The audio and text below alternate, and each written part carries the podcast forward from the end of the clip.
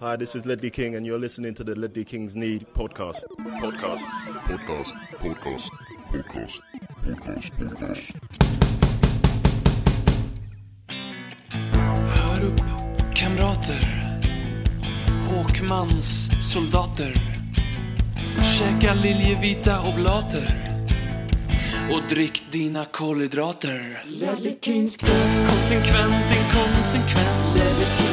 Det bästa som någonsin hänt. Du kommer aldrig bli dig själv igen, min vän. Här flödar hybrisen. När vi poddar på nytt igen. Du kommer aldrig bli dig själv igen, min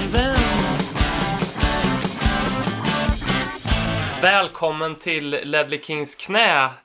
Din axel att gråta ut på, din näsduk att snyta i, ditt ölkrus att dränka dina sorger i. Mitt namn är Robin, med mig i Karlstad har jag mannen som får Marie Antoinette att framstå som en ödmjuk person. Ingen mindre än lyssnarfavoriten Marcus Håkman. Känns skönt att vara tillbaka. Mm, Eh, med buller och brak. buller och brak, ja precis. Ja, men det är skönt. Skönt att sitta i, en, eh, i stolen som ja, jag ska försöka prestera lite grann. Mm. Som att de här lyssnarna kanske ändå börjar gilla mig lite mer igen. Jag vet Eller inte vad det tygla är. Är, sig. det- är det liksom en trendbrott vi ser? Du har ju ex extremt höga förväntningar på dig just nu. Ja, det känns ju bra. Mm. Skönt att någon har det i livet i alla fall. Ja. Och eh, den som har höga förväntningar på eh, Håkman är ingen annan än värmlänningen i exil som får Janne Josefsson att verka lat i sina gräv, nämligen eldsjälen Per Frykebrant. Ja, tack så mycket. Och det är ändå förväntningar som jag känner att jag kan leva upp till. Ja. Vecka ut och vecka in. Jag vet inte om ni har sett Janne Josefsson i Alla mot alla med Filip och Fredrik? Nej, Nej. nej. Nej, Jag har se, inte se sett det det. programmet alls faktiskt. Nej, Inte jag heller. se det och så um, kan vi prata om det sen för att jag är förvånad över vad okunnig Janne Josefsson är. Jag är, alltså jag, när du säger att han är okunnig, för jag antog Mm. att det var det Mm. vi skulle komma fram till när du pratade om det. Jag är inte så förvånad ändå att han är Nej. okunnig. Nej. Kolla nej, på. Fittja Paradiso från typ eh, 99.00 någonstans som det ligger ute, ute på webben häromkring. Han är men väldigt snävt här nu, men absolut.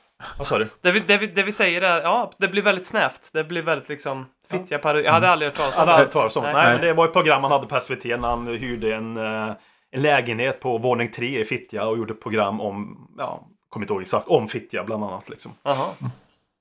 Jag gillar, förutom den referensen så gillar jag även att Håkman undrar om den kanske ligger på webben häromkring.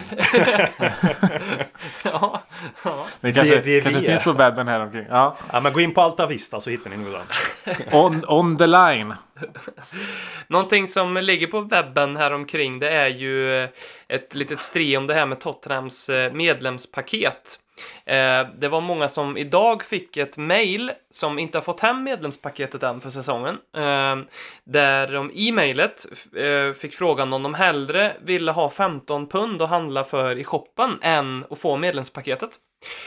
Och därför tänkte jag att vi skulle inleda veckans avsnitt med en liten recension av medlemspaketet. För jag fick ju faktiskt mitt medlemspaket förra veckan. Okej, spännande. Kan jag, bara Jag få, tänk- kan, jag, Ja. kan jag bara få fråga sig varför får då vissa medlemspaketet direkt och vissa får liksom möjligheten att, att få en, en voucher istället? Ja, en bra fråga. Jag vet inte om det har någonting att göra med när man blev medlem. Eh, om, om det bara är en kö helt enkelt, eller om det är liksom... Mm. Jag fick ju mitt först förra veckan och jag blev ju medlem inför den matchen jag skulle se enbart för det också. Och det var ju början på augusti, så att det, är ju, det har ju tagit eh, sin beskärda del av sin tid. Det, det känns ju ändå som det här utskicket av medlemspaketen stämmer överens om ligas öppningen för oss också något sätt. Ja, det hackar. verkligen. Och eh, om man också då drar en par... Nu ska jag inte färga dig för mycket. Det blir svårt för dig Per, du sitter ju ett par mil bort i Stockholm, men, men eh, Håkman sitter ju fysiskt här hos mig. Eh, så jag ska inte färga dig för mycket, men, men, men det är inte bara medelspaketens försening som man, liksom, man kan dra en liknelse med, utan det är också dess innehåll, tycker jag.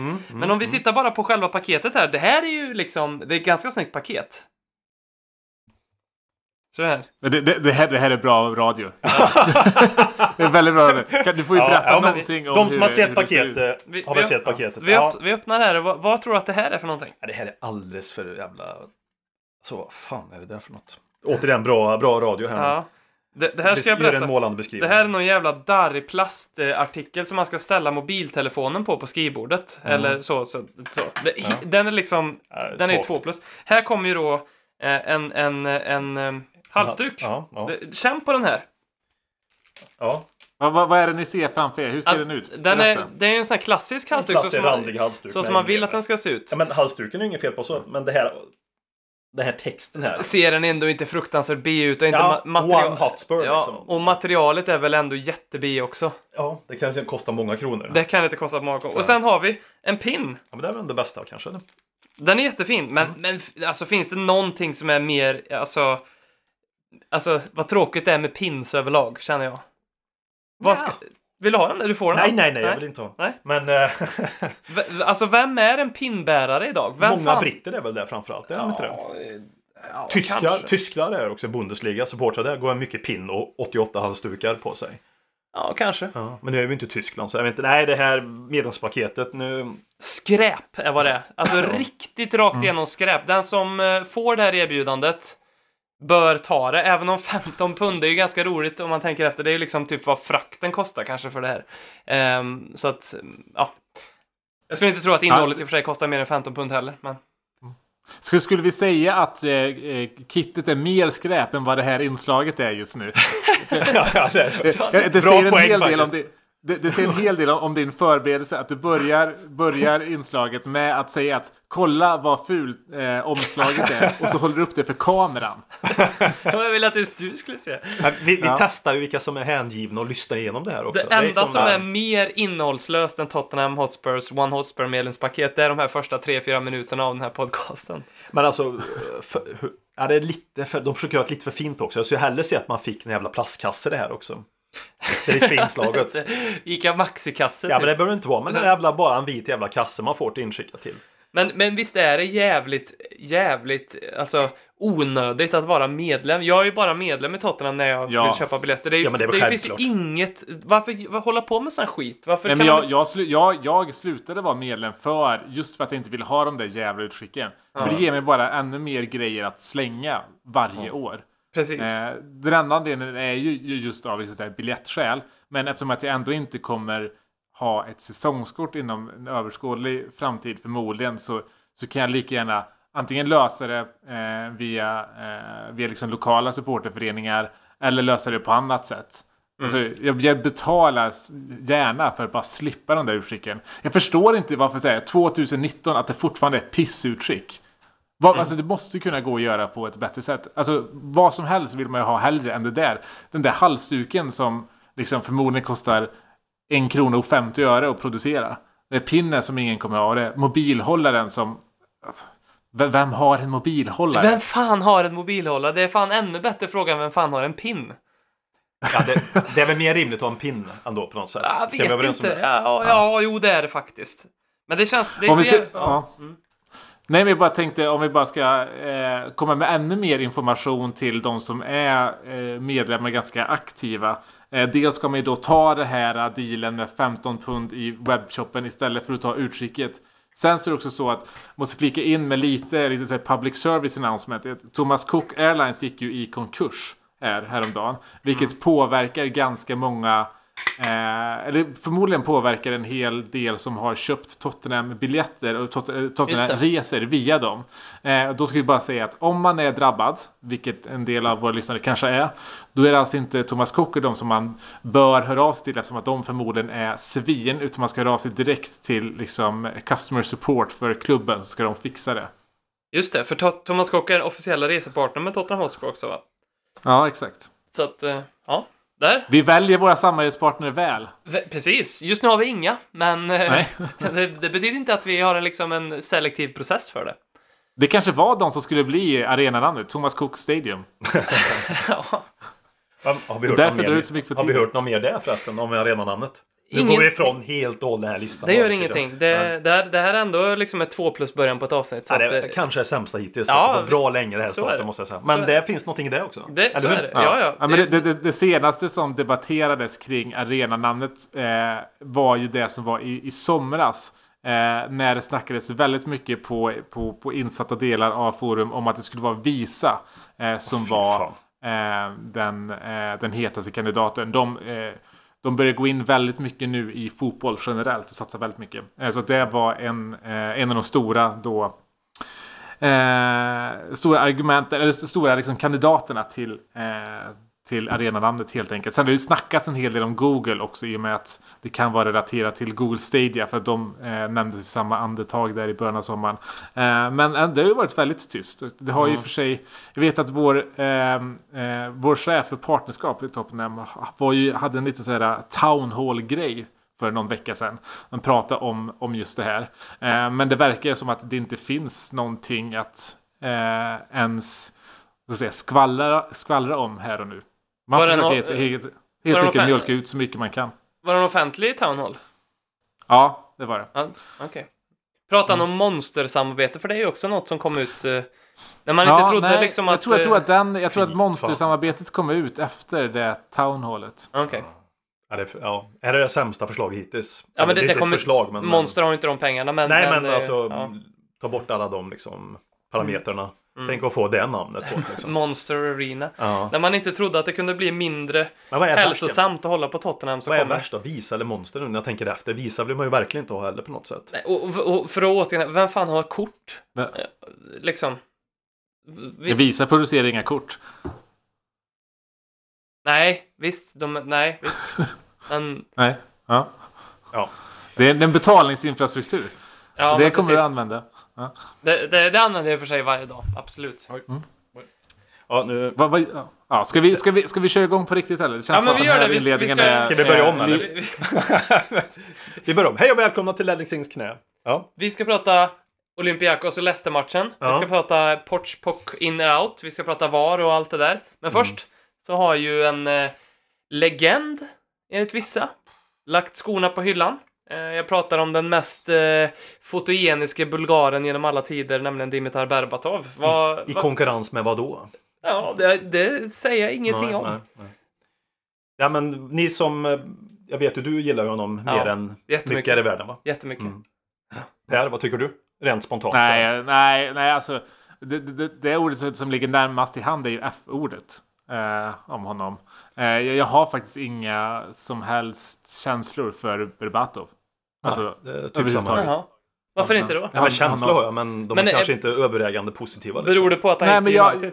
Alltså, Ja, men sen så, han, han har ju gjort en grej av att liksom eh, Okej, när han kommer och besöker arenan så pratar han väldigt gott om och så. Men i alla andra sammanhang så, så snackar han ner Tottenham. Han, vill, han tror att han är en United-legendar. Han tror att han är en del av liksom så här 92-gänget i United. Han, han tror att alla avgudar honom där. Men ingen bryr sig om honom i United heller. Ja, Och ingen bryr Eh, sig. så att han, nej, nej och, och, men han tar verkligen varje chans han får att liksom snacka ner oss och snacka upp United. Och eh, jag har ingen anledning till att liksom ge honom någon, någon legendarstatus. Sen förstår jag alla de, liksom, han har gett oss väldigt fina minnen. Eh, men för mig så, jag, jag, kan inte, jag kan inte titta tillbaka på Berbatov-klipp och liksom mysa. Jag kan inte det. Alltså. Nej, inte jag heller. Inte alls. Ja, jag är- alltså, han var ju elegant på planen.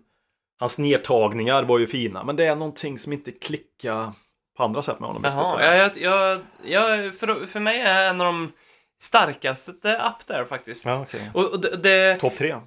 nej, inte topp tre, men kanske topp fem. Men det är starkt. Det Ja, det är starkt. Jag, jag tyckte jättemycket om honom. Det, det, för mig så, för, ofta så, typ, jag gillade ju Bale och Modric väldigt mycket med Tottenham, men de, de, de hatar jag ju nu. Men det var ju för att jag tycker på ett sätt att de använde Tottenham som en språngbräda, vilket Berbatov gjorde också. Men Berbatov gjorde liksom helt jävla rätt i att dra från Spurs, som blev liksom 11 i ligan den säsongen.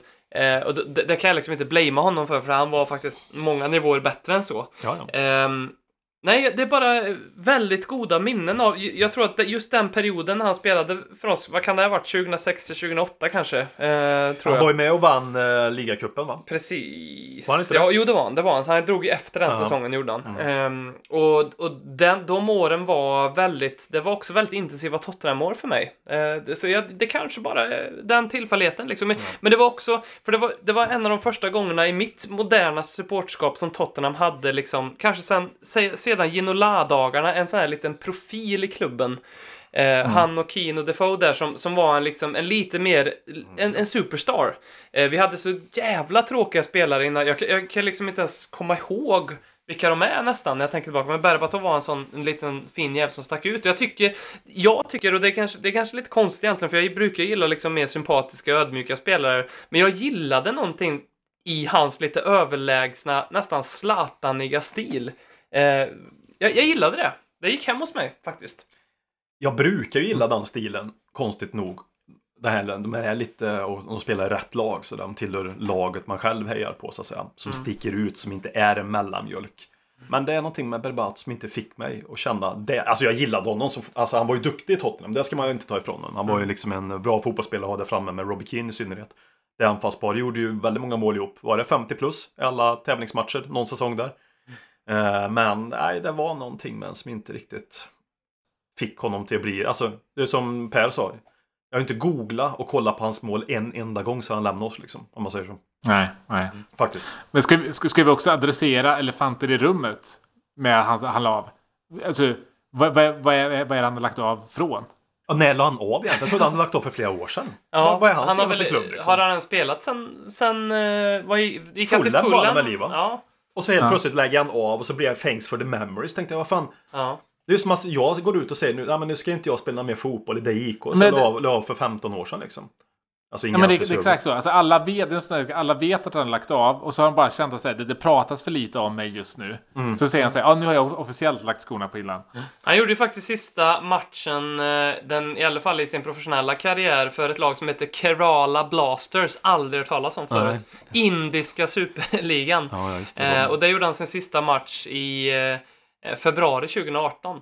Så att eh, det är ju som ni säger, han har ju han har nog eh, mjölkat lite på det här ett tag eh, för att hitta ett tillfälle där han liksom kan få sig ett litet uppsving. Och då blir det ändå inte samma uppsving som man skulle ha gjort det på ett naturligt sätt känns det Nej. som. Eller? Nej, det blir liksom, absolut. Mm, det absolut. blir nästan lite eh, löjligt Mm. när man säger att han la av nu. Liksom, att han lagt skorna på hyllan. Det är som att säga att Ginola har lagt av nu. Det Mm. hade ju inte blivit löjligt naturligtvis. Men, men ni förstår vad jag menar. Det är liksom, ja. Vem har vi mer som skulle kunna säga så? Det var Robbie Keane. Om man skulle säga så nu. Till exempel. För han la väl av. Var det förra året han la av?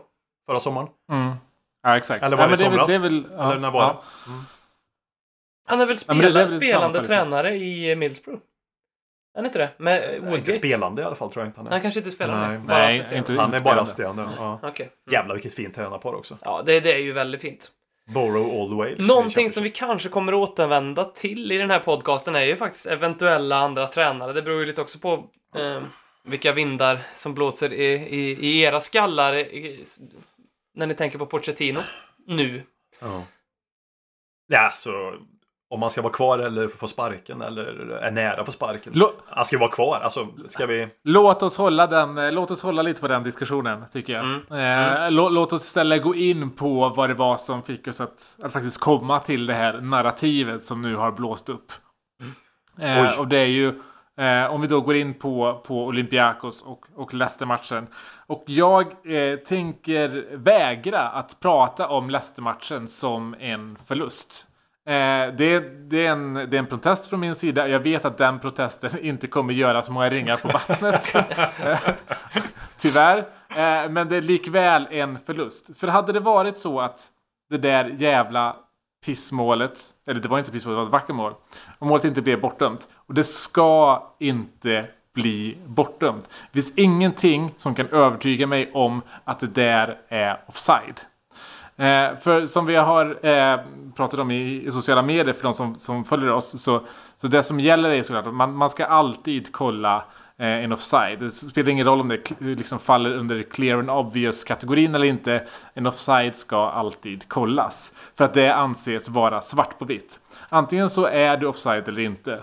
Antingen så är bollen i mål eller inte. De ses på samma sätt. Men det fin- de har ju inte tekniken för att kunna avgöra om det är svart eller vitt. Nej. Alltså för VAR-kamerorna visar 50 frames per sekund. Vilket innebär att de visar en ny frame varje 0,02 sekund.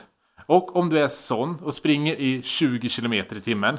Då kommer du under de liksom 0,02 sekunderna att ha rört dig en decimeter. Och i det här fallet så var han, vad var det, 1,6 centimeter offside.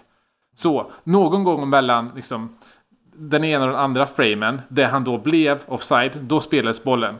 Och du har ingen aning om när under den perioden som Eh, mellan de här framerna som bollen spelades eller när han gick offside. Du vet- bara att nå- någonstans här emellan så gjorde han det och att det slutar på att han var 1,6 centimeter offside. Och det är Det- precis det- det detta. finns- det... är precis detta som får Janne Josefsson att verka lat i jämförelse med Per Frykebrant. Du får fortsätta.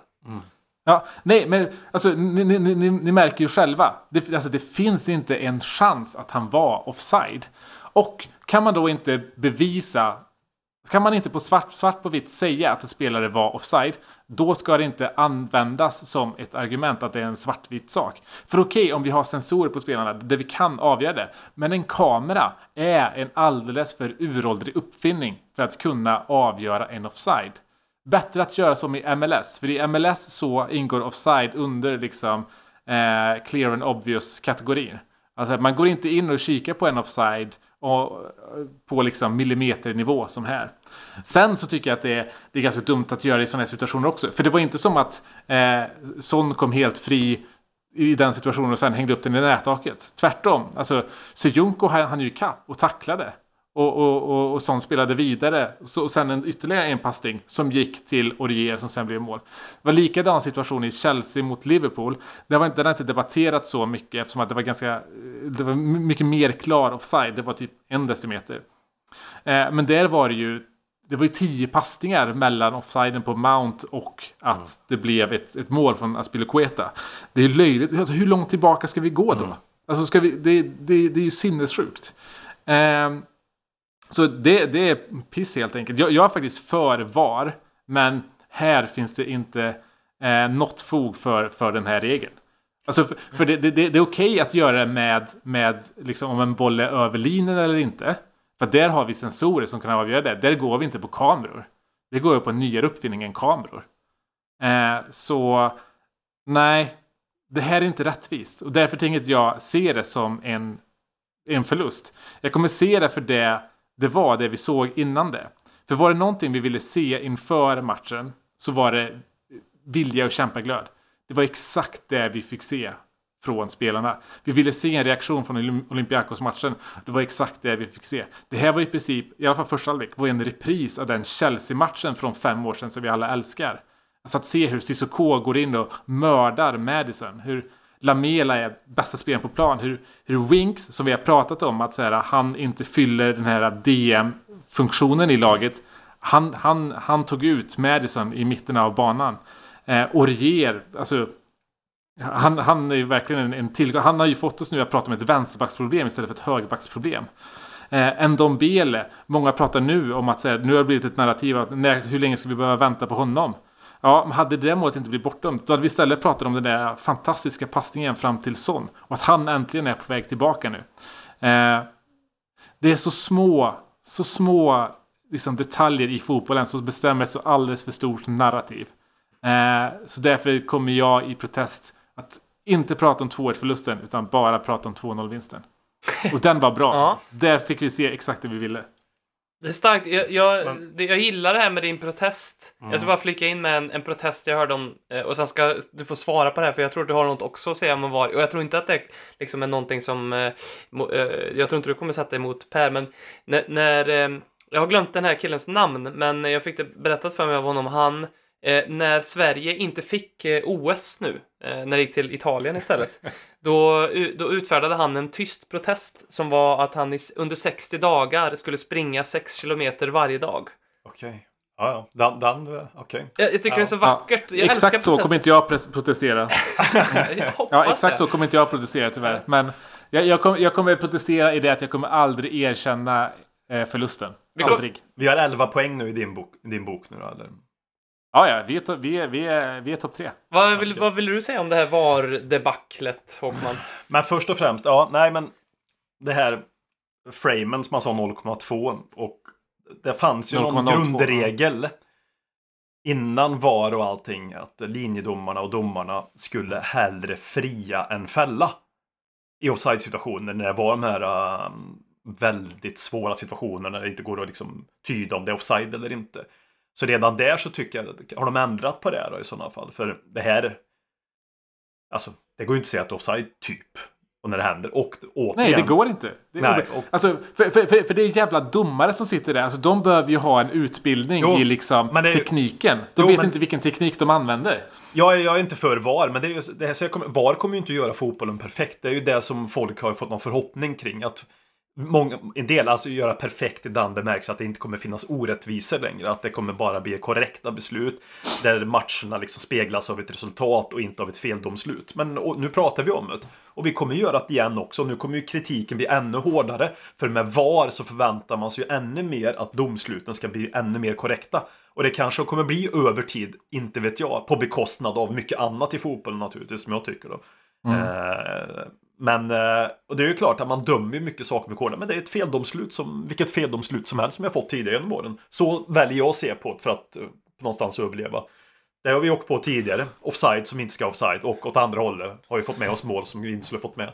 Det är det här det är. Enda skillnaden är att nu förväntar man sig något helt annat med VAR. Att de ska liksom leva upp till, till en eh, högre standard av korrekt domslut. Och sen känns det ju som också att som det här målet som, som Leicester gör som är offside. Jätte, jättetydligt. Det känns som domarna också det är inte bara på den här matchen nu med, med VAR. Som att domarna också vet att de har VAR i ryggen.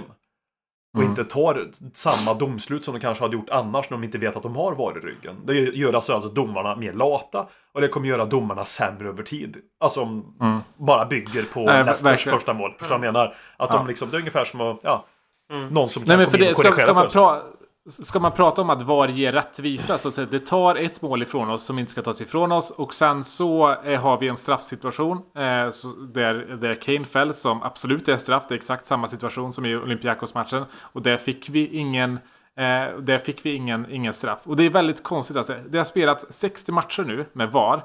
Inte ett enda inte ett enda straffbeslut, eller, alltså inget beslut har upphävts via VAR. Förutom om man kollar på mål.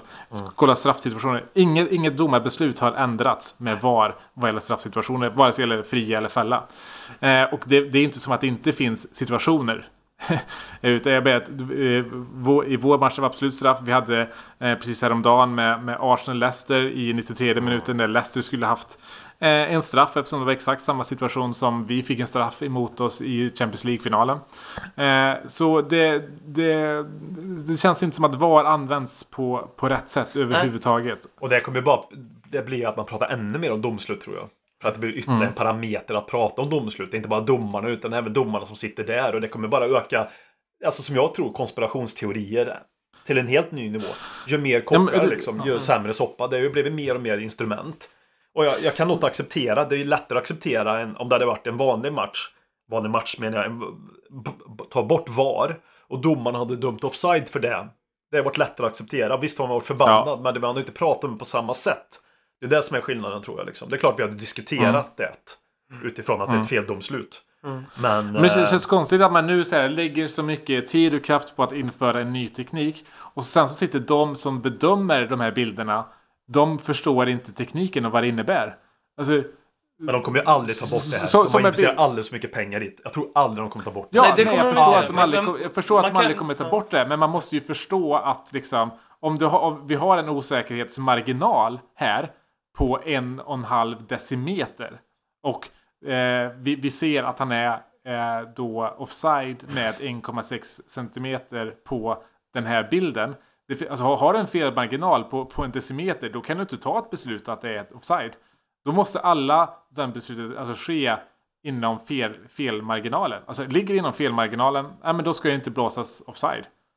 Det är det som känns så Det- jävla spursy liksom- med det här tycker jag. Att jag känner någonstans och jag tror verkligen att de, det här måste ju ändå diskuteras ganska flitigt. Särskilt den här situationen. Det kommer komma fler och det, det har funnits några så, som kommer göra att man gör någon form av förändring på eh, med VAR. Med att det är ju kanonbra för till exempel, eh, det händer ju i och för sig extremt sällan att en domare ger rött kort till fel spelare.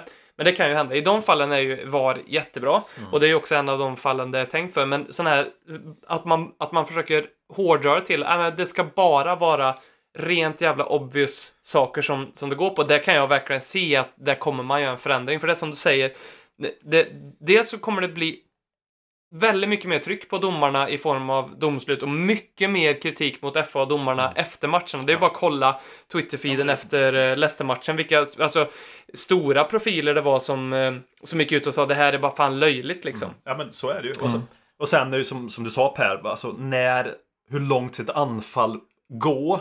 Hur långt ska man backa bandet för att titta? Ja, du, du kan ju hitta, Var- du kan hitta Ja, något alltså, var som, som helst. som Chelsea till exempel. Som det associerade Mm. till.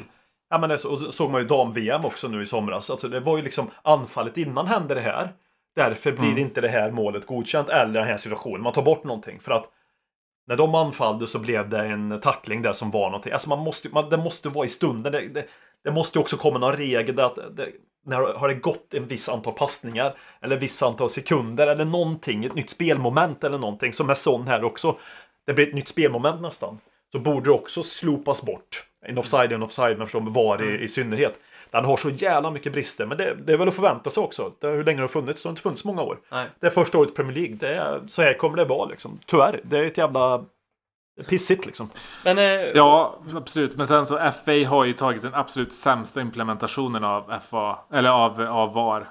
Av liksom alla möjliga. Jag tycker bättre i så fall att köra som, som, som i herr-VM. Att säga, ja men då faktiskt kollar vi allting. Ja, men då blir det ju, då blir liksom, det blir mer rättvist att göra så än att bara kolla de som är clear and obvious. Eller hela målsituationen. Som är liksom sträcker sig över typ en minut. Eh, löjligt. Löjligt. Men eh, om vi ska gå vidare, för jag känner lite grann så här att eh, VAR-situationen eh, förändrar ju matchen, men det jag kände efter matchen var väldigt mycket mer besvikelse på sättet som Tottenham reagerar på eh, det här VAR-beslutet. För enligt mig så där får vi ändå agree to disagree lite grann Per, att jag tycker ändå att det här är en förlust ur det att när mm, den bortdömda målet kommer så så vänds momentumet helt å Leicesters vägnar och mm, vi går ju ner oss och bara ställer oss på alla fyra och väntar på penetrationen som kommer. Och man vet att den där kommer komma. Och man vet det särskilt mot ett sånt här liksom eh, lag på vischan, liksom de här Leicester, de här Stoke, de här Norwich, de där lagen, Villa, de där lagen där liksom publiken går igång som in och helvete på att de har fått, att motståndarlaget har fått ett bortdömt mål. Det lyfter de, den tolfte mannen kommer in på plan. Och sen så börjar anstormningen mot Tottenham. Och det, det har gjort mig, det, det gjorde mig mest besviken med 2-1-förlusten. Absolut att jag håller med dig om att det där målet borde ha, ha gilts, men sättet som Tottenham viker ner sig på, det ska Tottenham inte göra. Eh, med de spelarna vi har, med den managern vi har, med liksom. Fast jag, jag ser inte att vi liksom så här vek ner oss totalt. Jag, jag gör verkligen inte det. Alltså fram tills det här eh, målet så reagerade vi på precis det sättet vi ville efter Olympiakos-matchen. Sen eh, i och med det målet så bytte vi ut Wing, eller bytte vi ut Sissoko och satte in Wanyama istället. Och det har ju många ställt sig väldigt frågande till. Och jag förstår det. Och vi, vi har ju pratat väldigt mycket i den här podden om att vi behöver ha en, en, en, liksom, en defensiv mittfältare på eh, på planen för att liksom vända den här negativa mottagna skotttrenden som vi har. Eh, och det, Wanyama är ju inte på något sätt i skick att spela för Tottenham. Han, säga, han, han var ju på väg att gå till belgiska ligan för en spottstyver. Och bara någon vecka senare så liksom spelar han för oss i en match av väldigt stor dignitet. Eh, jag hade mycket hellre sett skip där. Eh, och folk hade, hade velat ha in Dyer, men Dyer har ju typ inte spelat en minut sedan i februari i princip. Så att jag kan förstå varför han istället gick med, med, med Wanyama. Men sen så var det så att Wanyama liksom var den extremt dåliga Wanyama. Eh, men han förlorade verkligen mittfältet. Alltså Winks hade i mångt och mycket stängt ute eh, Madison från, eh, från mittplanen. Och när, när, när Wanyama kom in och tog den positionen istället Eh, ja, men då, var, då, då förlorade vi hela mittfältet. Allt. Eh, Och de, så gjorde de 1-1. Och, men jag tycker inte att vi väck ner oss vid 1-1 målet. Jag tycker att vi fortfarande var, gick, för, eh, gick för vinster. Vi hade eh, Kane-skottet, vi hade några sån situationer där han var liksom semi-ren. Jag, jag tycker att vi fortfarande gick på för, eh, för, för ett ledningsmål. Sen så kommer det här liksom, att Madison får liksom ytan i mitten av banan och får sätta ett jävla, jävla chansmål. Liksom. Eh, och efter det så reagerar vi inte överhuvudtaget. Det, det håller jag med om. Det var liksom de sista fem minuterna på matchen. Men, men överlag, alltså 85, i 85 minuter så, så var vi där. I 85 minuter så gjorde vi typ det som vi faktiskt kan förvänta oss av dem och det som vi ville se. Så jag, jag, kan, inte, jag kan inte säga att vi vek ner oss. Jag kan Ja, men det, det tyck, det, jag tycker det är bra att du nyanserar det här lite, för det vill jag också verkligen säga att jag tycker att första halvlek så var jag superbekväm med sättet vi spelade på. Då Det var jag så det var jävla liksom, rolig fotbollsmatch. Det var en rolig det var en fotbollsmatch. jättebra jag match och, jag och vi var bra och det fanns liksom inga tendenser på att Leicester skulle hota på något vis. Eh, det gjorde de i kontringar, men det, det, det kändes aldrig riktigt så farligt. Och sen eh, hade Oriers mål stått, då hade det ju, jag tror det var BM eller någon som skrev det i vår chatt, då hade vi bara cruisat och då hade vi tyckt att det här var liksom en, en, en, en, cruise bara, hela matchen. Jo, men så är det. Om liksom det klassiska, det är klart. Men det är ju någonting ändå... s- s- Så att säga. Det är ju lätt, tror jag, när man börjar prata, när man tänker på Tottenham, hur vi spelar nu. Jag tycker också att första halvlek var jätte, jättebra. Men jag tänkte om man ska liksom ta säsongen eller året, bädda in det i någon form av diskussion. Eh, att eh, hur det såg ut för eh, kanske två, tre år sedan när vi spelade. Komfortabelt. Vi, nu, nu är vi lite beroende av marginaler på ett annat sätt. Det var vi inte på det, på det sättet då, den här Leicester-säsongen under året vi kom efter Chelsea till exempel. Då spelade vi fantastiskt fin fotboll och mycket hängde på Dembele som jag tycker. Då. Nu är det, det hackar så in i helvete. Det finns, alltså, jag, det finns liksom ingen grund... eh, Vad ska man säga? Ja, men liksom de, ingen- för, de två, för två år sedan, när du satte på en match, Leicester eller, jag kanske inte just Leicester är ett dåligt exempel, men vilka fan det nu än var. Ja, så vi- visst kändes vi, det känns som att vi inte kunde förlora. vi hade en annan fart i spelet. Det, här liksom, det var ett annat flow. Det var som att lagdelarna satt ihop på ett annat sätt. eh, Allting klaffade liksom. Det, så var det ju och saker går i cykler och hela hitta nytt liksom. Men hela 2019 har ju hackat så in i helvete typ, bortsett från några matcher här och där. Har hackat. Och det är ingen, det är ingen liksom eh, det är ingen tillfällighet längre att det ser ut som det gör, utan det är en trend och det beror på någonting mer än bara tillfälligheten. Och nu säger ju inte att, att första halvlek var bra, men av en anledning så sitter vi där ändå och har förlorat matchen mot Leicester med 2-1 oavsett vad fan det beror på. Och 2-2 mot Olympiakos med 2-0 och en jävla massa matcher i, i våras på slutet på Premier League som bara såg för jävla ut. Det fortsätter liksom. Det i våras kunde man ju tro att det var ett tufft matchande, att vi fokuserade på Champions League och vi hade väldigt mycket skador och det hade vi liksom. Det, jag antog att det var det. Men jag tycker att spelet kanske inte ser lika uselt ut, men det ligger någonstans där fortfarande och hackar och det måste ju bero på någonting att det ser ut så här. Kan inte bara enbart bero på att Dembele inte spelar i Tottenham längre. Även om jag tror att Dembeles inverkan har varit väldigt, väldigt, väldigt, väldigt, väldigt stor för vårt innermittfält. Mm, mm. Nej men verkligen, och det, alltså, vi har pratat mycket om det på sistone om liksom att allting i statistikens värld talar för att vi, vi är på väg ut för mottagna skott vad gäller eh, liksom eh, vad heter det, goal, eh, expected goals against allting. Och vi har ju nu eh, efter, från och med januari har vi ju det sämsta borta, eh, bortaformen vi haft sedan 2006. Vi har en av de sämsta bortaformerna i, i hela Europa. Men fram tills januari så hade vi en av de bästa bortaformerna i, i hela Europa. Och eh, vad är det vi inte haft sedan dess? Ja, men det är ju en, en, en, en tydlig bollvinnare på, på mittfältet. Eh, Dembele försvann i januari. Man kan inte säga att han spelade varje match innan det. Han spelade, han spelade många matcher, eller han spelade en del matcher.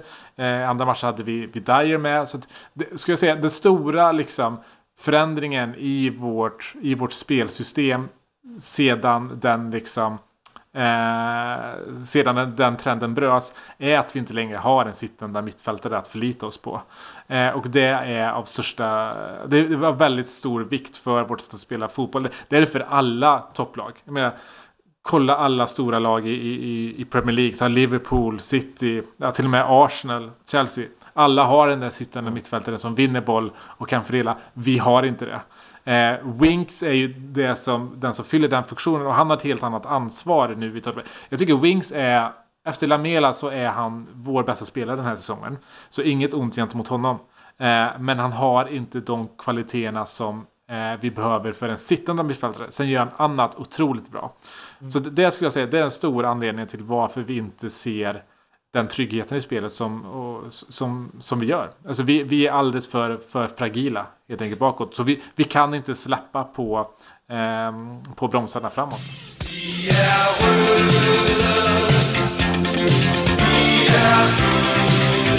Hej, mitt namn är Christian Eriksen. Jag är 7 och 5 halvfjerds år gammal och jag spelar offensiv mittfältare i Tottenham Hotspur. Jag kan också spela central innermitt och höja offensiv och ibland också vänster offensiv mittfältare.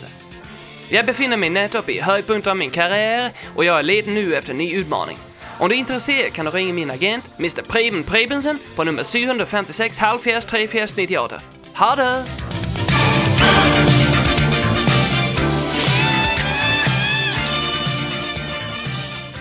Viktor Lindholm har skickat in en fråga. Är vi på väg mot en katastrofsäsong eller har vi haft det tufft i, i början? Och Joakim Granberg är, är inne på lite samma linje. Han frågar, är det bara dags att steppa upp? vad, vad tror ni då? Är det här en trend som, som pekar något håll?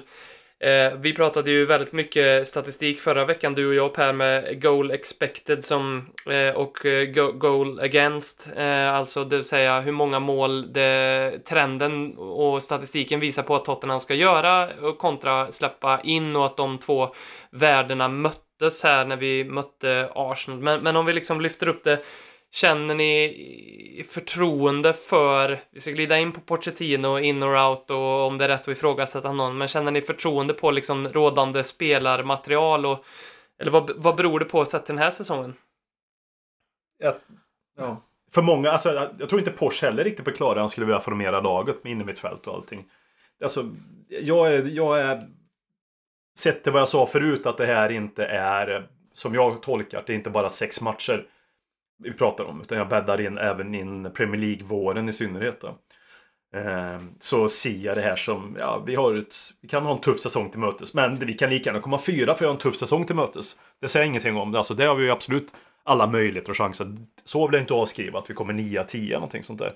För så pass mycket kvalitetsspelare har vi ju i laget. Men jag, det känns ju inte som att vi har en, en säsong till mötes, här och nu i alla fall, som kommer göra att man inspireras av vårt spel och tycker att wow, vi har tagit en ny nivå. Vi har eh, en frenesi och en tydlighet i vårt anfallsspel och vi har en tydlighet i, vårt eh, grundspel som, som bara sätter ihop en symbi symbios liksom i laget. Det är för mycket oklarheter. Det är spelare som vi har pratat om, som många pratar om. Det är spelare som kommer de vara kvar, kommer de inte vara kvar. Hur, vilka ska vara de två på inmittfältet? Rose, ja, han var i Watford innan. Det är, alltså, det, det, det, är lite rörigt. Det känns verkligen som att det är det här, det här laget och truppen och spelarna. För då hade vi, när vi var som absolut allra bäst, så var ju truppens storlek var inte lika stark som den är nu. Utan då hade vi de här 11, 12, 13, 14 som var jätte, jättebra och var så tydliga i sina rollfördelningar och hållde sig skadefria. Det känns inte riktigt så nu. Det är, det är för mycket att laborera och det känns som att han ja, inte riktigt hittat rätt. Liksom. Mm. Är det, är alltså, ska, man, ska, man börja, nej men jag tycker, ska man börja prata katastrofsäsong eller inte så måste man också komma ihåg vad vår, eh, vad vår ambition som klubb är. Alltså, så här, vi får aldrig, alltså, i det Tottenham som är här och nu, vi kan inte ha något annat liksom, måste-mål för varje säsong än att klara topp 4. Det är vår absolut viktigaste mål varje säsong. Och jag tror fortfarande, trots den starten vi haft, att vi är en av de klaraste favoriterna för att ta de sista topp 4-platserna. Vi har också material för att kanske gå långt i en cup och kanske kunna ta en FA-cup eller ligacup som skulle vara minst lika, eh, minst lika välbehövligt. Eh, så att säga, för att klara av våra mål den här säsongen eh, så det, det, kan vi göra med nuvarande liksom, situation. Det, det tror jag. Eh, men det är ju såklart att vi inte kommer bli det här, eh, liksom ett, ett vinnande lag med nuvarande upplägg. Med nuvarande spelartrupp och tränaruppsättning. Eh, det, det, kommer vi inte, alltså de två tillsammans kommer inte göra det. Det, det, det, behöver, det behöver vi justeringar, alltså det behöver vi göra eh, korrigeringar i spelartruppen. Det behöver vi rensa ut eh, en, en hel del för att kunna, för att kunna göra. Och det, det, är ju, vi är ju mitt uppe i en, eh, i en liksom eh, pånyttfödelse av Tottenham. Vi får inte glömma det. Och att många av de delarna som inte fungerar just nu, det är sådana som är, eh, som är måltavlor för den pånyttfödelsen. Och det här tänker jag ofta på, eh, just det du säger, när jag vill trösta mig själv i det här läget att vi är lite i eh, ja, det här stadiet vi är och det jag ofta tänker då på det är att jag tror faktiskt att Pochettino eh, och Livi har vetat att den här tiden kommer. Jag tror att eh, det finns... Det har funnits en förväntan på att vi kommer ha en knackig säsong. Pochettino sa It will be a painful rebuild. Nu läser jag in jättemycket i det, Mm. som att det ska liksom vara förutspå att vi, vi kommer... Eh, att den här säsongen kommer vara eh, tuff. Och han, men det Pochettino också har sagt, Eh, det är ju också att han, han drömmer om långsiktighet, han drömmer om att bygga ett legacy precis så som Ferguson har gjort i United. Eh, och, och det man minns av Fergusons tid i United, det var ju att han var en av de mest framgångsrika tränarna någonsin, men det man kanske lätt glömmer bort var att han hade ett, ett par riktiga jävla hundår innan han fick allt på rull.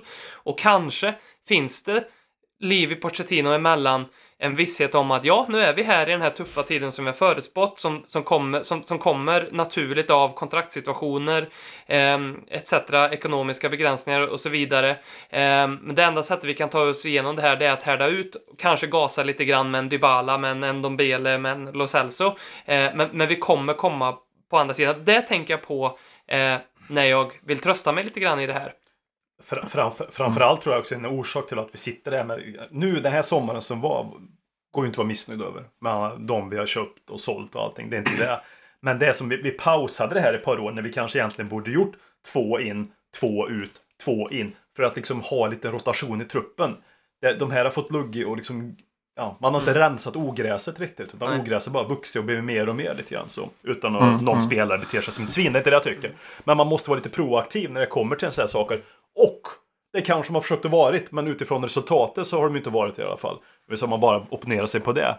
Och de har låtit vissa spelarkontrakt komma till en sån situation. Återigen, de har säkert försökt med Eriksen, allting tyder på det. Men vi är ändå i en sån situation nu där Eriksen har ett år kvar. Där Tobi har ett år kvar. Där Fertongen har ett år kvar.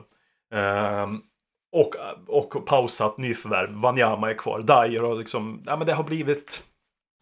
Ja. Men, det är men mycket- verkligen, men för, för, är, det är någonting på, är det någonting, ja, är det någonting Pochettino är så är han är en Bielsa-tränare. Och är det någonting Bielsa är ganska tydlig med så är att han måste alltid jobba med unga lag. Han måste alltid se till att det finns den, eh, den uppfräschningen av lagen kontinuerligt. Och Pock har ju inte kunnat eh, göra de här kontinuerliga uppfräschningarna som man behöver göra för att liksom ständigt ha den typen av lag eh, att, att, att styra över. Han, den här situationen som vi haft med liksom arenabygget och allting har gjort att vi inte har kunnat få in de här två ut och två in varje säsong som man skulle krävt. Det, det är ju först nu som vi får lida för att vi inte gjorde några värvningar 2018 eh, egentligen. Och, eh, så att, så att det ska man ju komma ihåg när man betygsätter Pochettino. Och därför tror jag också att så här, den här kontraktssituationen nu som vi har eh, med eh, Vertongen och Alderweireld och eh, till viss del även med Eriksen. Att det är ju lite utav en blessing in disguise. Eftersom att är det några eh, positioner som eh, den här eh, liksom, 2. Tottenham 2.0 behöver liksom eh, eh, som behöver ta tag i så är det ju våra mittbackspositioner och vår spelfördelarposition. Så att, eh, man, man, man kan se det också. Att så här, oavsett, vad som, oavsett vilket läge vi är i nu så har vi inget annat val än att på nytt födas på de positionerna nästa sommar. Så kan vi bara hålla ut här och, eh, och liksom nå våra mål. Våra så här, lågt ställda mål i att så här, vin, eller ta, ta en topp 4-position. Eh, ja, men då finns det helt plötsligt en grogrund för att lyckas igen för, för Pochettino. Jag är inte alldeles säker på att vi, vi kommer nå dit. Alltså, kollar man på vad in the know-personer ITK-personer säger eh, så är det ju faktiskt så. De kommer alltid upp till ytan nu när det börjar liksom pratas i de här termerna. Att så här, det är faktiskt så att POC har tappat eh, en hel del Eh, erfarna spelare vad gäller i omklädningsrummet. Han har i mångt och mycket eh, och vi kan ju bara spekulera i vilka de är. Förmodligen är det en, en Bertongen, förmodligen är det en Danny Rose, förmodligen är det en, en Eriksson och kanske också till viss del en, en, en Dyer eller liknande. Så han har förmodligen tappat respekten där och det ser vi. För, för, för jag går också in i så här, liksom, jag ska inte säga pock out eh, liksom narrativet, men man börjar ju fundera kring, eh, liksom hitta anledningar. Och så tänker man att ah, men Pochettino, han, han kanske inte är en sån som lär av sina misstag. Så, men, men jo, han lär av sina misstag. Kolla bara på de bortamatcherna vi har haft nu med, med City och Arsenal. Vi, vi, har, vi har ställt upp på ett sätt som vi inte har gjort tidigare och det har gjort att vi har fått med oss poäng därifrån. Man börjar tänka sig, ja man kanske inte är en man manager. Jo, men fan, vi reagerar i den här matchen på exakt samma sätt som vi vill att vi ska reagera. Så jag tycker att Pock är rätt eh, person för det här projektet. Vi, vi förtjänar egentligen inte Pock. Han har stått ut med att inte ta, eh, ta in några värvningar. Eh, han har, det finns ingen annan toppmanager som skulle stå ut med det vi har gått igenom. Men om det är så att han på riktigt tappar uppklädningsrummet och att det inte kommer nå de här eh, målbilderna. Vilket säger, jag tror att vi kommer göra det. Men om vi inte gör det och det finns en överhängande risk att vi inte gör det. Då är jag ganska säker på att Livi kommer agera. Tyvärr. Och, Aron frågar oss på Twitter, vilket är jätterelevant i det här sammanhanget. När får vi börja ifrågasätta Porsche? Det är väldigt många som har gjort det för ja, redan nu. Folk får ju ifrågasätta precis när fan de vill. Det är upp till var och en. Det finns väl ingen jävla regel hur man ska bete sig. Det där är jag jävligt trött på. Folk som säger att du får inte kritisera. Hyllar man så får man kritisera. Det är alltså, jag tycker ju inte Porsche ska gå liksom. Jag är verkligen Porsche in. Men tycker man Porsche ska gå, då måste man ju få säga det. Det är det jag är så jävla trött på. Att folk ska sätta sig på en jävla pedestal och säga vad folk ska tycka och tänka. När det kommer till fotboll. Helt jävla rabiat blir jag på det. Och så folk som är negativa blir per automatik sämre supportrar. Man är inte äkta liksom. Det finns också jävla klangen. Bara för att man, vissa är lite mer gnälliga än andra. Alltså, man är ju olika som personer. Mm. Och vad fan, folk får fan tycka och tänka vad fan de vill liksom, i sådana sammanhang. Det är, ju, det är ju känslor det handlar om. Liksom. Sådana jävla, alltså det är inte frågan är, jag är emot frågan. Nej, inte frågan emot, men jag är emot sådana som tycker att man inte får tycka, som går in och rättar folk och som säger typ att ja, väldigt negativt, nu kommer inte jag, nu kommer jag inte läsa Tottenham något mer och sånt där. På grund av att folk mm. är negativa. Mm. Dra åt helvete säger jag liksom. Helt mm. ärligt. Mm. Det är så jävla mm. irriterande.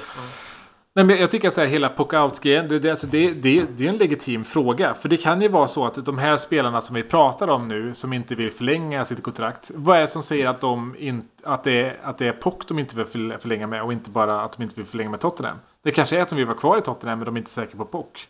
Ja, men, alltså, det, kan sen... vara, det kan vara åt båda håll. Och så, som sagt jag tycker ju i ett sånt läge att säga försök göra oss av med dem och bygg vidare på pock. För det är det bästa vi kan ha. Mm. Men om inte vi liksom lyckas med att upprätthålla liksom en, en nivå av godkända resultat under den perioden.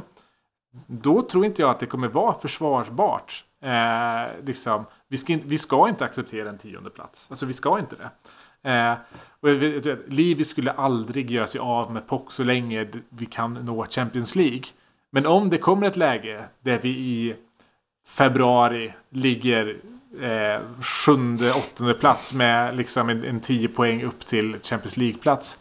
Då, då tror jag att det kommer hända saker. Jag hoppas verkligen inte det. Jag, jag, förstår vad du säger och det är mm. inget otroligt scenario. Liksom. Jag hoppas att vi... Han har förtjänt av att få göra en pissäsong i min värld. Alltså om nu en pissäsong är 7-8, det skulle det absolut vara utifrån vad vi har för mål och krav numera.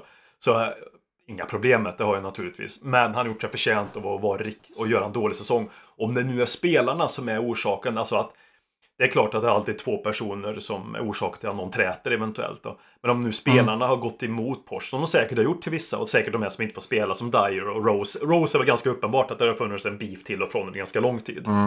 Uh, Känns menar, lite hatkärlek ändå. Lite... Ja, men så är det. Men det, det var ju någonting som hände där för jättelänge sedan då när han gick ut i Talksport och började prata om eh, lön och Tottenhams ambitioner. Mm. Efter det så har det hänt mm. någonting som inte riktigt ja. har blivit reparerat. Liksom. Mm. Eh, Också men... sämsta forumet att gå ut och snacka i. Ja, men lite så. Lite så. Ja, men, och sen... Men... Ja, men jag, bara, jag bara tycker att ja, i min värld får han väl göra som han gjorde förra gången han kom då. Då var det enklare för för då var det Adebayor, det var en Kabul och mm. vad var det mer som han liksom skeppade iväg efter ett tag. Det är inte riktigt så mm. den här gången. Det är ju spelare som har presterat för Tottenham i sådana fall och gjort någonting för, gjort någonting för klubben. Mm. Men det värsta jag vet när spelarna har sån jävla makt liksom och de kan liksom gå emot en. Mm. Då blir vi ett nytt United. Då kan, det, då kan vi sätta en sån nivå där också. Att vi sätter en trend till mm. United. Solskär var jättebra. Och vi älskar Solskär. Sen har det kommit ut rykten nu att, att det är många som inte vill ha Solskär. Alltså de här icke-brittiska spelarna. Mm. Och det blev en trend. Där spelarna har alldeles för stor makt liksom. Mm. Mm. Rent allmänt. Nej, men jag tycker att så här, vi, vi, vi kan inte eh, liksom bedöma Pock eftersom att här, han får inte de verktygen han behöver. Det finns ingen tränare i världen som skulle kunna upprätthålla eh, liksom, goda resultat under en femårsperiod utan att liksom förändra truppen. Jag menar när han tog över truppen. Det är nästan det är vä- väldigt lik. Alltså, ta Pox lag efter ett år och det laget nu. Det är väldigt liknande lag. Bara Då var det den yngsta truppen i ligan. Nu är det ett av de äldsta. Vi har en medelålder på startade på 28,5. Det är liksom tillhör topp tre av de äldsta i, i- Premier League den senaste omgången. Eh, så det, det, det ska man liksom eh, komma ihåg. Sen är det ju någonting också med på eh, när man kollar vad, vad de här nu ITK-arna säger kring och man ska alltid ta sånt med en nypa salt, det vet jag.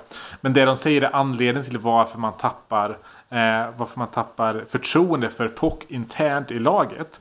Så är det för att säga, varje träning eller varje vecka så är det fokus på någon ny taktik. Eh, var, var, det går liksom 30 minuter i match och sen så är det liksom vi, vi, vi testar en ny taktik. Vi, liksom, vi har ingen tydlig eh, liksom matchplan, eller matchplan ska jag inte säga, men vi har ingen tydlig taktik som vi alltid förhåller oss till. Utan det svajar lite grann. Och eh, det kan man ju hålla med om. Och så är det någonting med Pock som verkar att säga han, han är ju inte den här samma glada Pock längre. Han, han velar mycket mer i sin taktik än vad han har gjort förut. Han agerar ju faktiskt som en person som inte är, liksom, om, jag om jag formulerar mig rätt nu, 100% utvilad, om jag säger så. Eh, det, och, och det har jag ju full förståelse för. För att alltså 95% av världens befolkning hade liksom bränt ut sig efter en vecka som fotbollstränare i Premier League. Eh, så det, det är liksom inget, det är inget underbetyg eh, till, till, till en tränare alls. Utan det är så här, mer att man ens orkar ha det jobbet är ju liksom det är, det är ju all heder i sig. Men, men jag tycker mig se de, de tendenserna hos Pock ändå. Alltså, jag tycker han visar de, de signalerna. Eh, Och att han är men- utbränd alltså.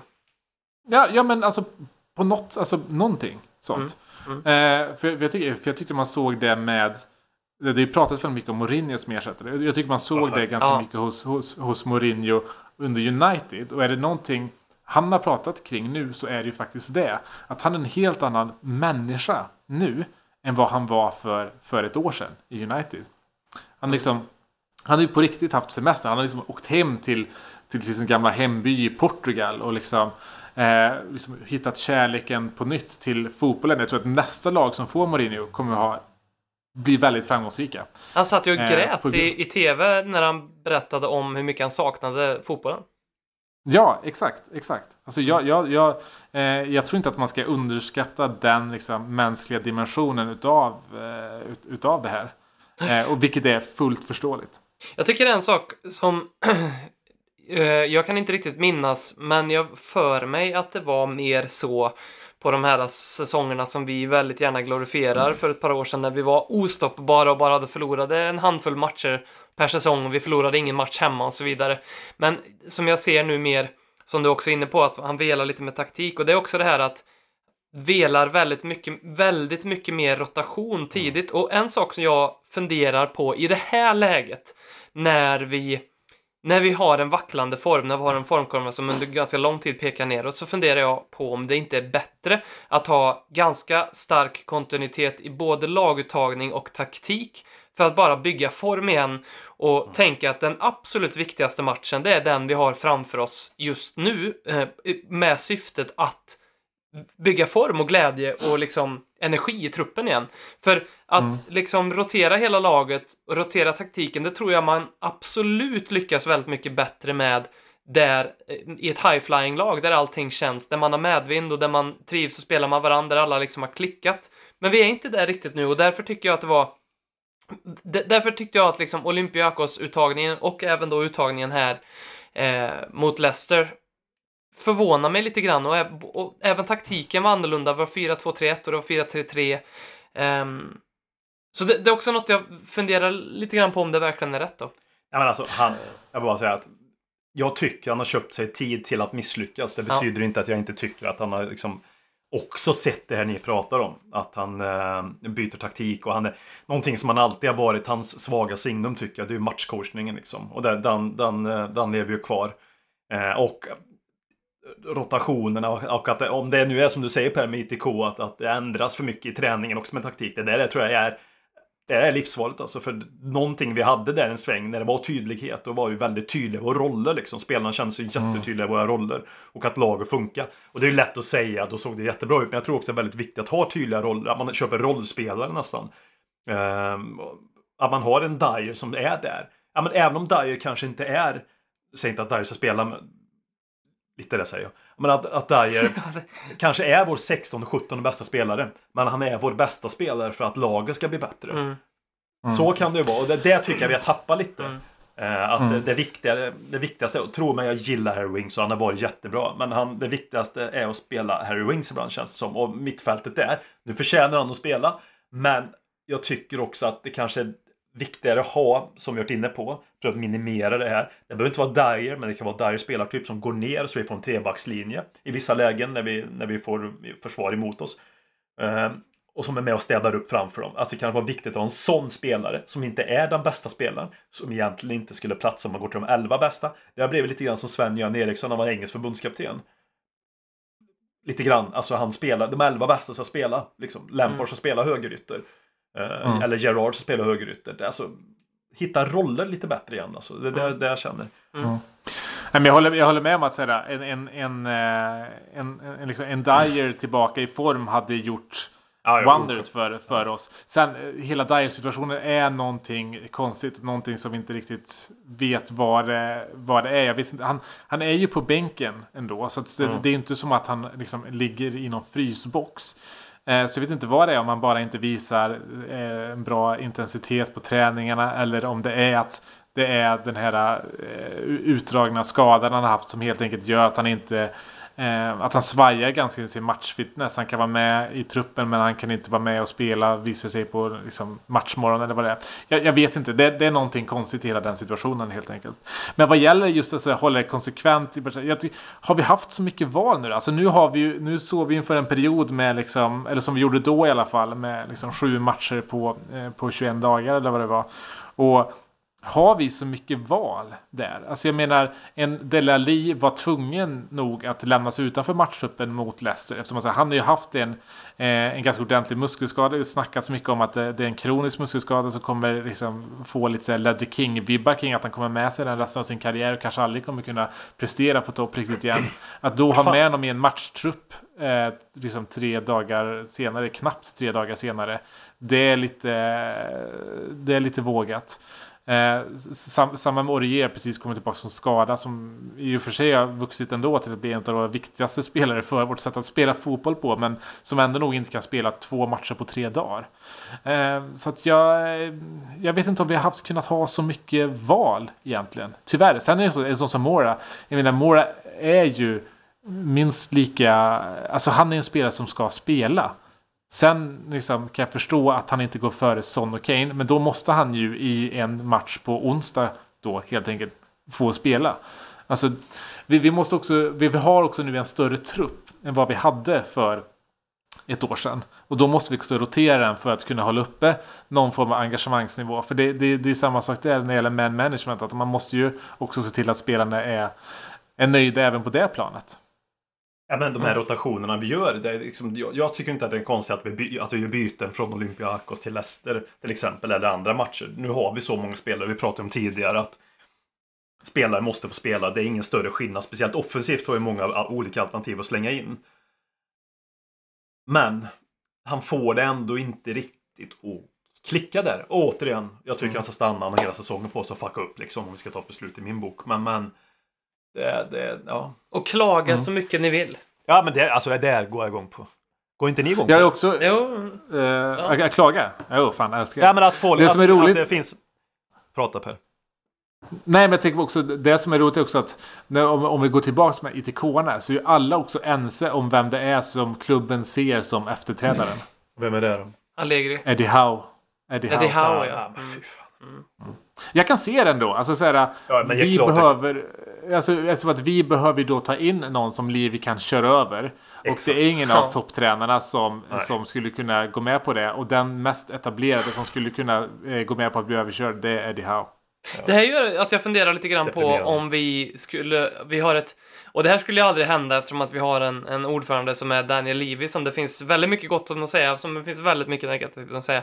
Men att vi kanske skulle må bra av att hitta en, en sportchef som skulle funka eh, i Ja men, ja men verkligen. Alltså Var vi, inte fan, Paul fan Mitchell- vad vi saknar. Ja, för Ja. när Paul Mitchell rattade där. Alltså nu är det alltid lätt, ju som om man minns oftast det som var positivt. Men det kändes väl ganska bra när Paul Mitchell och Pochettino han var väl lite ihop. mer eh, head scout? Ja, var men-? Ja.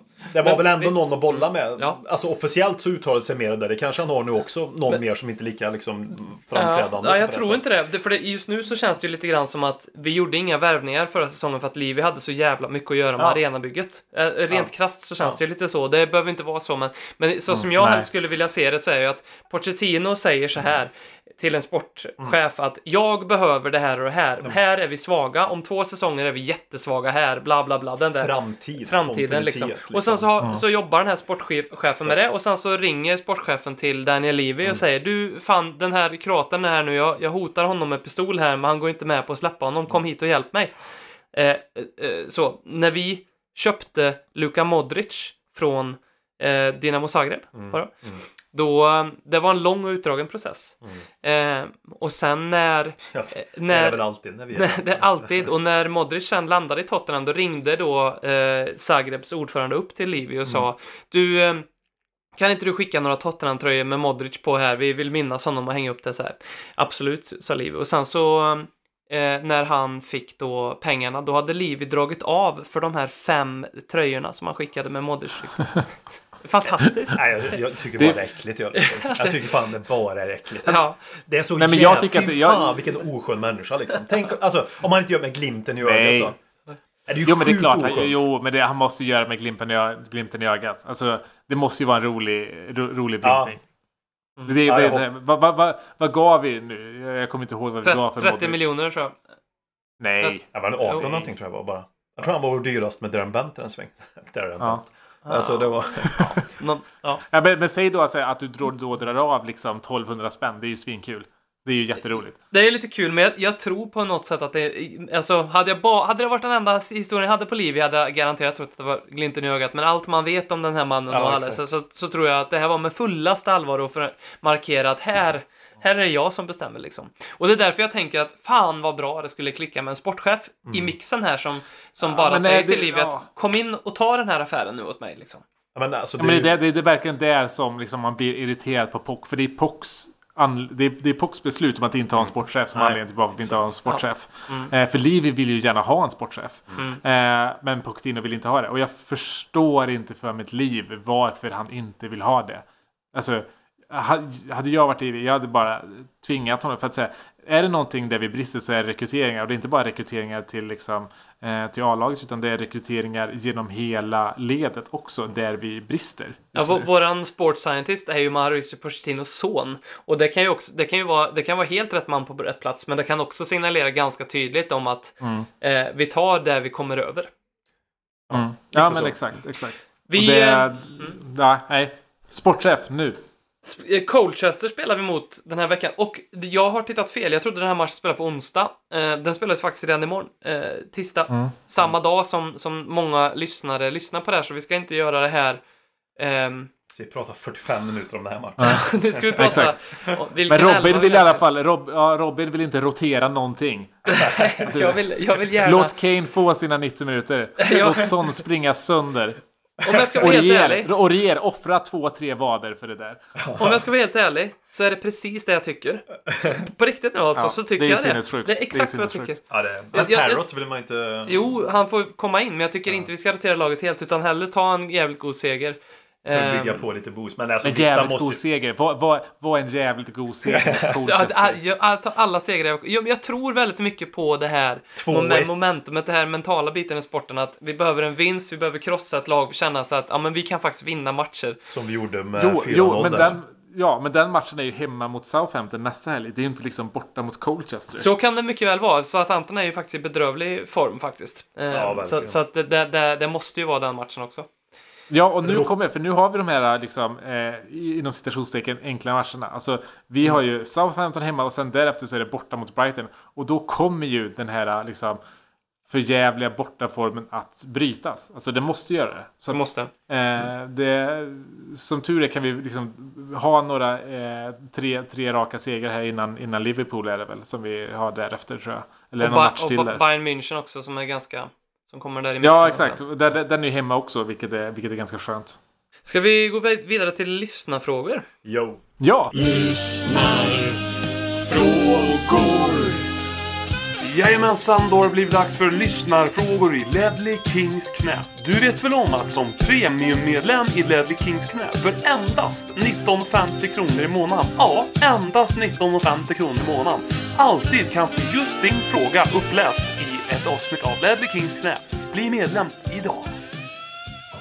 Vi har ju fått rekordmycket lyssnarfrågor till det här avsnittet. Fantastiskt. Eh, väldigt- vi har ju också rekordmånga lyssnare nu känns det som. Det är väldigt många från andra lag som, alltså supportrar till andra lag som skriver till oss och eh, alltså i, liksom, eh, i meddelanden och, och säger att de liksom följer oss nu. Vi är superkul. Vi Ja, kommer det- för alltid vara en Tottenham-podd, men det är kul att eh, även Liverpool-supportrar och Chelsea-supportrar hittar, hittar hit. Men, Ja, men men efter dagens inledning så kanske de har slutat. Så kan det vara, Ja, men då har vi kanske sållat dem vi ändå inte vill ha med. Vill Eh, vi ens ha med Liverpool-supportrar?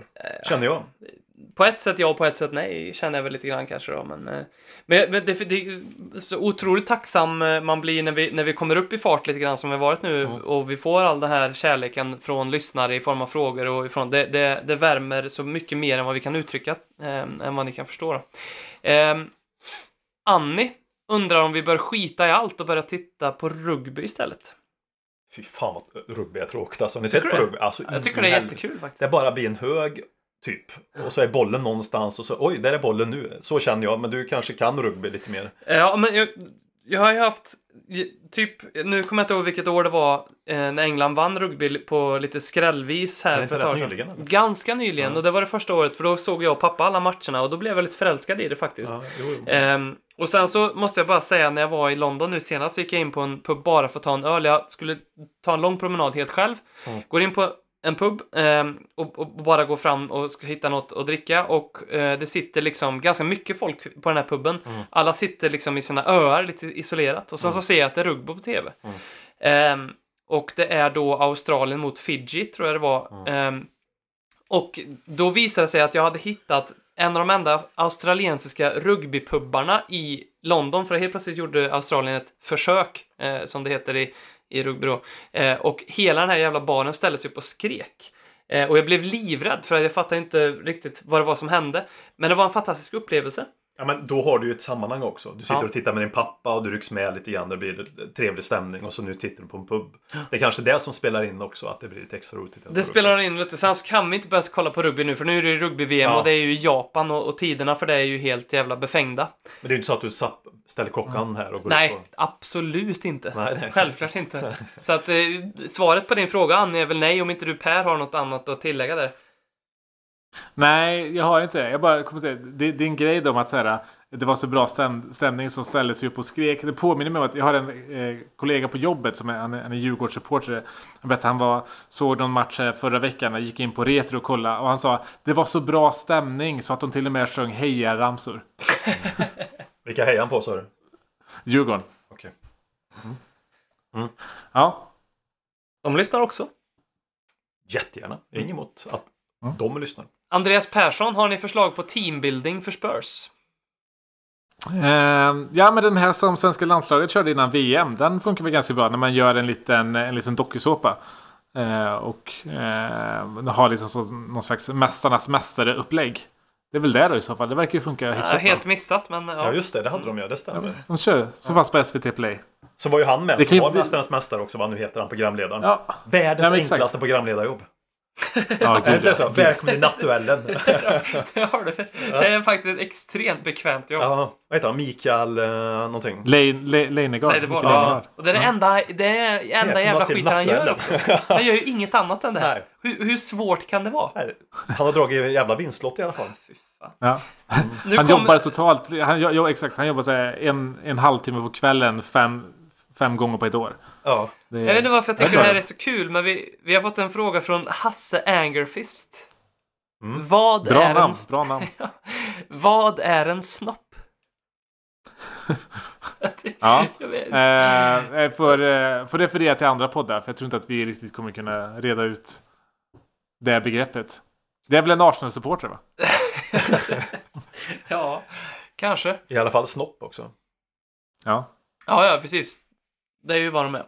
Mm. Vi är ju kukar vi. Ja, men Det är ju en precis. stor skillnad på en kuk och en snopp. Det får man ändå säga. Absolut. Ja, och vi får inte tala om en, en, en pillesnopp. Det är ju Det West, kanske där har vi West Ham. Det var West Ham. Ja, West Ham är pillesnopp. Ja. Eh, ja, det är bra. Ehm, Petter Niklas, det får väl ändå vara en Norwich tror jag. För det är ändå lite så här klassiskt och bra, men det är ändå liksom inte hela vägen. Och ingen bryr sig egentligen. Nej, precis. Ingen vill ju vara med en Petter Niklas, men det är liksom, det är ändå så trevligt liksom. Kolla vilken trevlig Petter Niklas. Med tiden så blir Peter Niklas rätt trevlig och så kanske han får till det det ändå. vara. Eller så hur? kan det, ja, så kan det vara. Eh, Albin undrar vem som blir Player of the Season i år och eventuellt vem som riskerar att bli säsongens Trippier.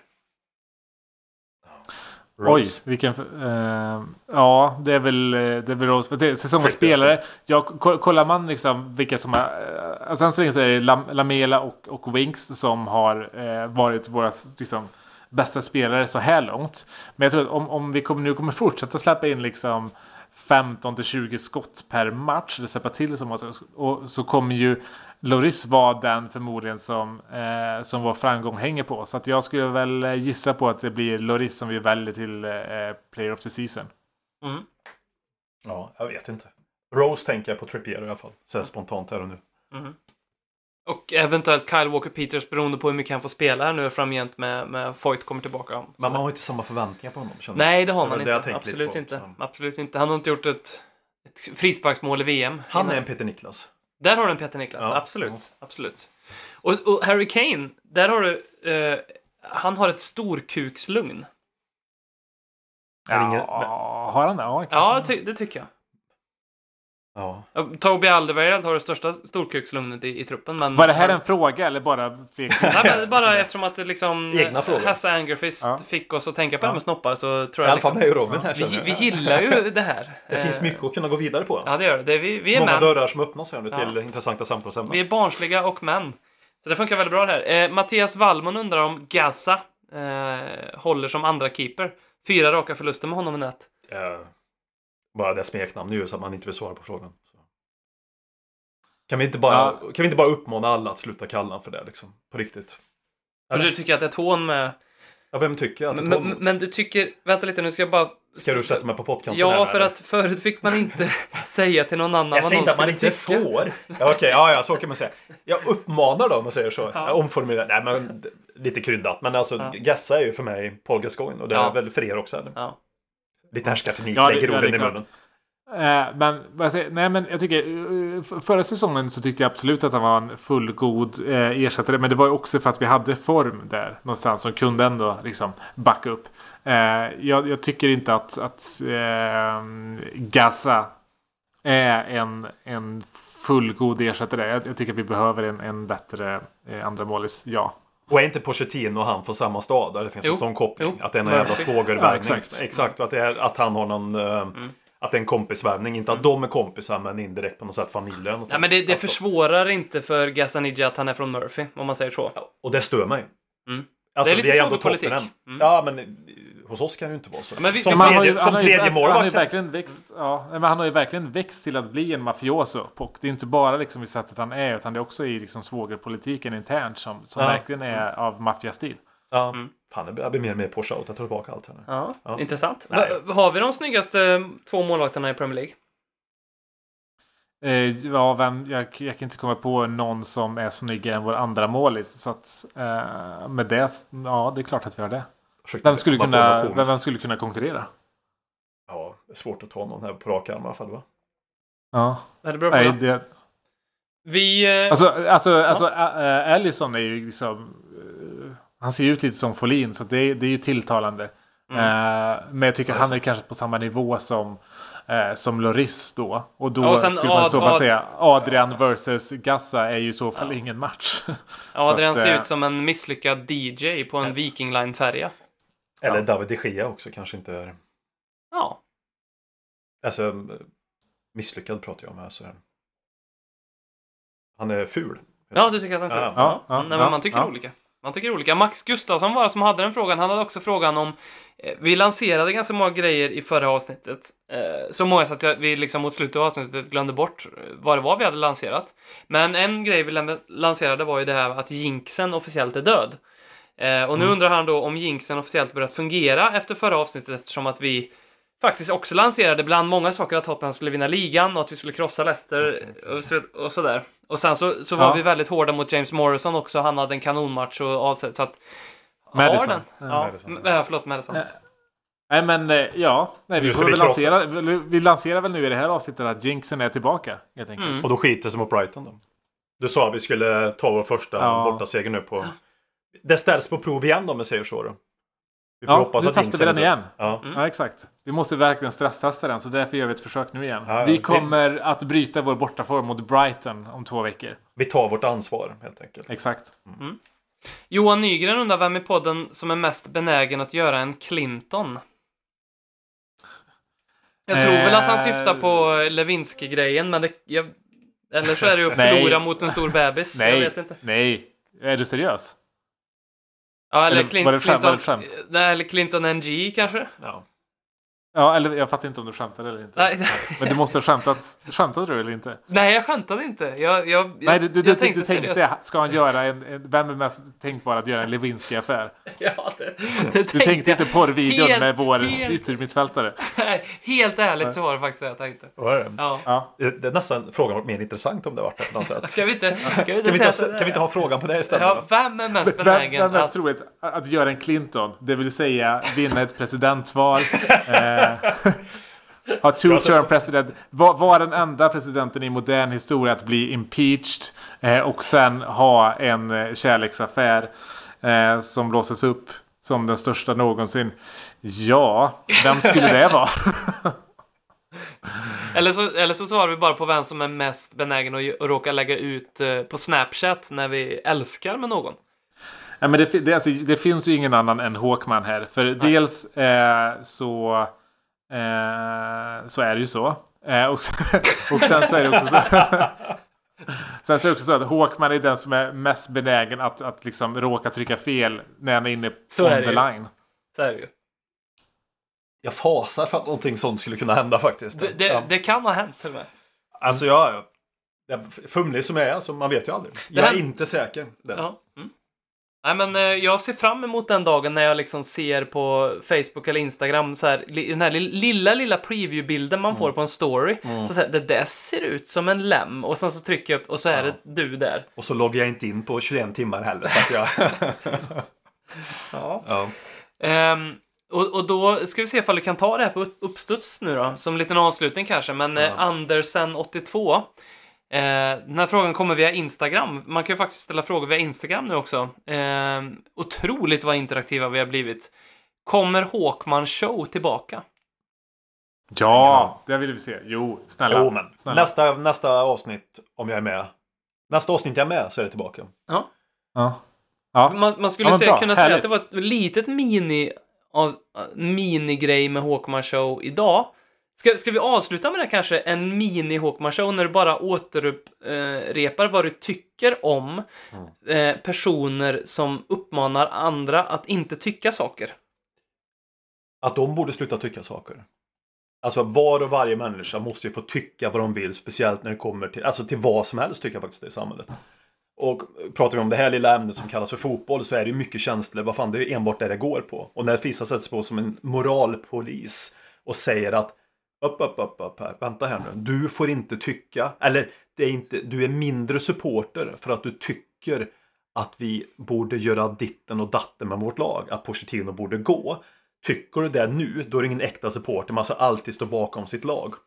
Det finns olika sätt att stå bakom sitt lag. Man kanske tycker att det är fel. Och även om man handlar i affekt och ändrar sig till nästa dag så är det fine med mig. Liksom. Du måste alltid få tycka vad du vill. Och folk som säger att man inte får göra det och gör ställningstagande kraftigt emot det. Fuck them. Så att säga. Ja, men lite, lite Wow, överdrivet. wow. Men alltså det är fel ändå. Jag, jag tycker verkligen uppriktigt det är fel. Och det har stört mig i många, många jävla år. Liksom. Jag tycker inte att när folk skriker på att Porsche ska gå ut nu liksom, och lämna oss, att han ska få sparken. Jag tycker det är helt sinnessjukt. Det är, alltså, jag håller ju inte med för fem öre, men jag skulle aldrig sätta mig på en jävla pedestal och säga att de får inte tycka det. Liksom. Eller säga att de är mindre Tottenham-supportrar eller någonting i den stilen. Eller? Nej, ja, bra. Jag tycker, jag tycker väldigt fint, väldigt bra ord och alltså, wow, vilken, du bara drar den där på uppstuds och alltså du, Håkman är verkligen den mest troliga i podden att göra en Bill Clinton. Nej, inte bild. Jag, jag, jag förstår, folket vill ha Håkman show och folket kommer Ja. få Håkman show. Nej, en vill ha till i alla fall. Ja, men Four more years, four more years. precis. Ja. Tack så jättemycket för att ni har varit med oss. Återigen i en timme och en kvart drygt. Och eh, tack så jättemycket Håkman och eh, Tack Per för att ni har varit med under den här timman. Eh, vi hörs Tack väl igen. Robin. Ja, tack själv. Vi hörs väl ganska snart tror jag. Det hoppas vi. Det gör vi. Konsekvent, inkonsekvent.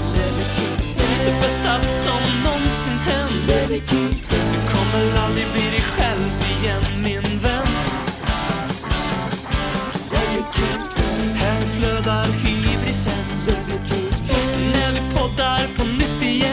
på. Du kommer aldrig bli dig själv igen, min vän.